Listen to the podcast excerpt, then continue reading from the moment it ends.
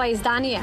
Најмалку четворица цивили се убиени, а 10 други ранети во најновите руски напади, соопшти кабинетот на украинскиот председател Зеленски. САД најавија дополнителна воена помош за Украина од 275 милиони долари. А Бајден рече дека нема да врши притисок Израел да ја помага на Украина. Оваа држава на 1 ноември ќе гласа на петите избори од 2019 година. За ова и повеќе во продолжение. Почнуваме веднаш. Добре дојдовте во Ньюсфлеш на гласот на Америка на македонски. Јас сум Милена Ѓоргиевска. Пентагон најави нов пакет помош за Украина со оружје и друга воена опрема во вредност од 275 милиони долари. Со цел да им се помогне на украинските војници да ги протераат руските сили од клучните области на југот. А украинскиот председател Володимир Зеленски денес рече дека воздушните руски напади продолжуваат. Украинскиот председател Володимир Зеленски доцна во петокот стоејќи покрај она што изгледаше како соборено беспилотно летало рече агресорот Русија го продолжува својот терор, повторно сме нападнати од небо. Повеќе од 30 дронови беа лансирани за два дена, рече председателот. Бранителите на нашето небо ги спречија непријателските маршојаци да пробијат во задниот дел на земјата и соборија 23 ирански беспилотни летала. Зеленски рече дека во овој временски период Русија извршила 4500 ракетни напади и повеќе од 8000 воздушни напади. Но ние се бориме, ке се бориме уште еднаш. За сега не е јасно дали има жртви. Без разлика што прави непријателот, наша задача е да ги прекршиме неговите планови и да ја заштитиме Украина. И ова не е само нечија задача. Тоа не се однесува само на енергетските работници или на кој било друг. Свесната потрошувачка на енергија сега им е потребна на сите украинци рече Зеленски.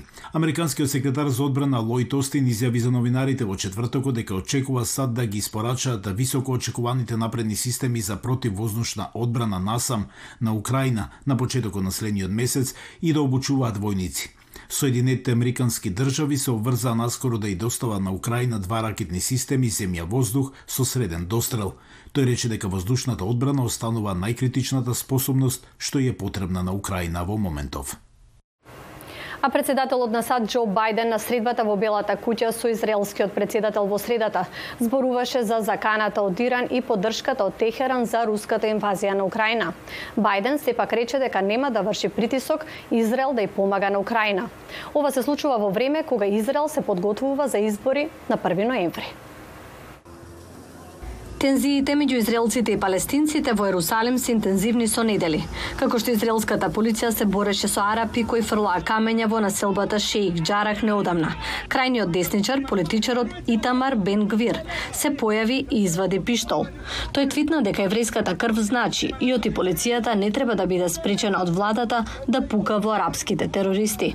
Неговата партија Еврејска моќ учествува на изборите на 1 ноември, заедно со други две десничарски партии, по заедничко име верски ционизам. Ако анкетите се точни, верски ционизам е напад да стане трета најголема партија во Израел.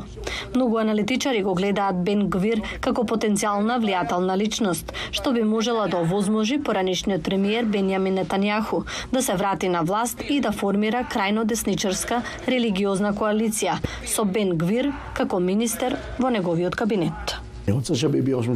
Сакам Биби да биде премиер, а јас сакам да бидам во владата. Сакам да ја насочам владата кон десно, влада која ги сака луѓето, децата и жените, и која ги брани слабите кои се нападнати.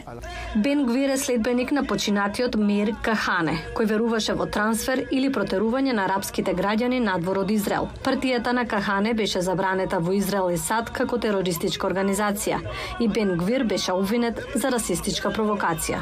Но тој вели дека ги намекнал ставовите. Цврстата левица изврши одлична работа, означувајќи го како екстремист, но во повеќето случаи ова се само лажни вести. Ако ги разгледате неговите интервјуа во оваа кампања, тој не вели ништо за трансфер или за ставовите на Кахане или на други, зашто всушност го обвинуваат левичарите. Неколку американски политичари и лидери на американски евреи предупредуваат дека Бен Гвир, како министер во израелската влада, ќе предизвика тензии со администрацијата на САД и американските евреи.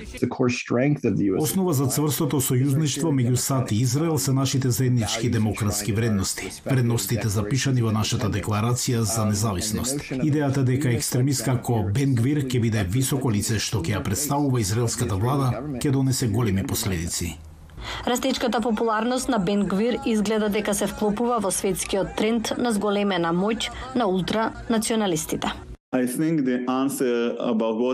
Мислам дека одговорот за тоа што се случи во Израел и Европа е националното расположение, потребата на населението да биде одвоено од другите групи, во Европа тоа се имигрантите или во Израел арапските граѓани. Некои наблюдувачи на избори велат дека изборот на Бен Гвир значи крај на израелската демократија. Други смета дека Израел се уште е силна демократија, како што се подготвува за петти избори за помалку од 4 години. А во продолжение, како млад уметник од Скопје прави уметнички дела од железо. Тоше Огњанов. Во потрага по другата страна на металот. Со тоа мото го почнавме разговорот со Озбек Ајвас, млад вајер од Скопје, кој создава уметнички дела од отпадно железо. Да вратам свежината на, отпад, на отпадот што се фрла, бидејќи кога фрламе отпад, ние фрламе готови парчиња, тие готови парчиња гледам да ги искористам колку што можам на ист начин, како што изгледале претходно во уметност, во скулптура. Вниманието на јавноста го привлече со импозантната скулптура Тешкото. Тоа беше негов дипломски труд на факултетот за ликовни уметности. Скулптурата е со димензии од речиси 10 метри квадратни, направена од железо од отпад. Ја сочинуваат 8 фигури, шестмени играорци, зурладжија и тапанџија.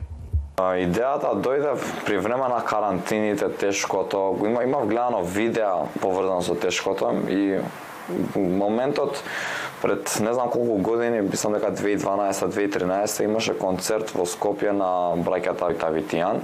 Македонското срце чука во 7 осмини, така се викаше албумот. И тој момент го имам запамтено. Ајвас денес е на магистерски студии. Во текот на едукацијата поминал низ период на двоумење меѓу екзистенцијата и уметноста, сепак победил поривот за креативно создавање. Од скулптури многу многу и не се живе бидејќи не се купуваат. Нема нема пазар ние за тоа но нашол начин како да ги спои уметноста и практичната екзистенција. Почнал да создава украсни и пременливи декорации од метал. Уметноста ја користам во индустријска форма и така екзистирам преку уметноста, што уметноста ми дала мене, бидејќи самиот момент како уметник, познавајќи естетиката и естетските вредности, тоа ми помага за да можам да правам индустријски форми и да екзистирам. Како и повеќето млади лица од неговата генерација, помислил да ја напушти државата.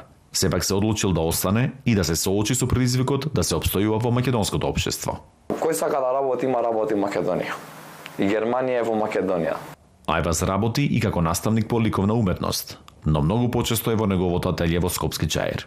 Таму одречи си секој агол, надзира по некоја уметничка форма. Концептот на оваа скулптура ми беше со екосвеста и актуелната тема бидејќи сите се настинати, носот ми е чешма муабет. Зашто сите кои ги прашав, дај да искочива се видиме, бе не можам, носот ми е чешма. И викам има нешто со мобетот, носот ми е чешма и земав направив портрет, носот ми е чешма. Запчаниците, поклопците, деловите од чини во малото теле на Ајвас не се претвораат во отпад. Низ креацијата на овој млад уметник, тие добиваат нови форми, со кои тој продолжува да испраќа порака за оптимизам кон едно подобро општество. За гласот на Америка, Тоше Огњанов. И пред да се одјавам, сакам да ве информирам дека поречиси две децени.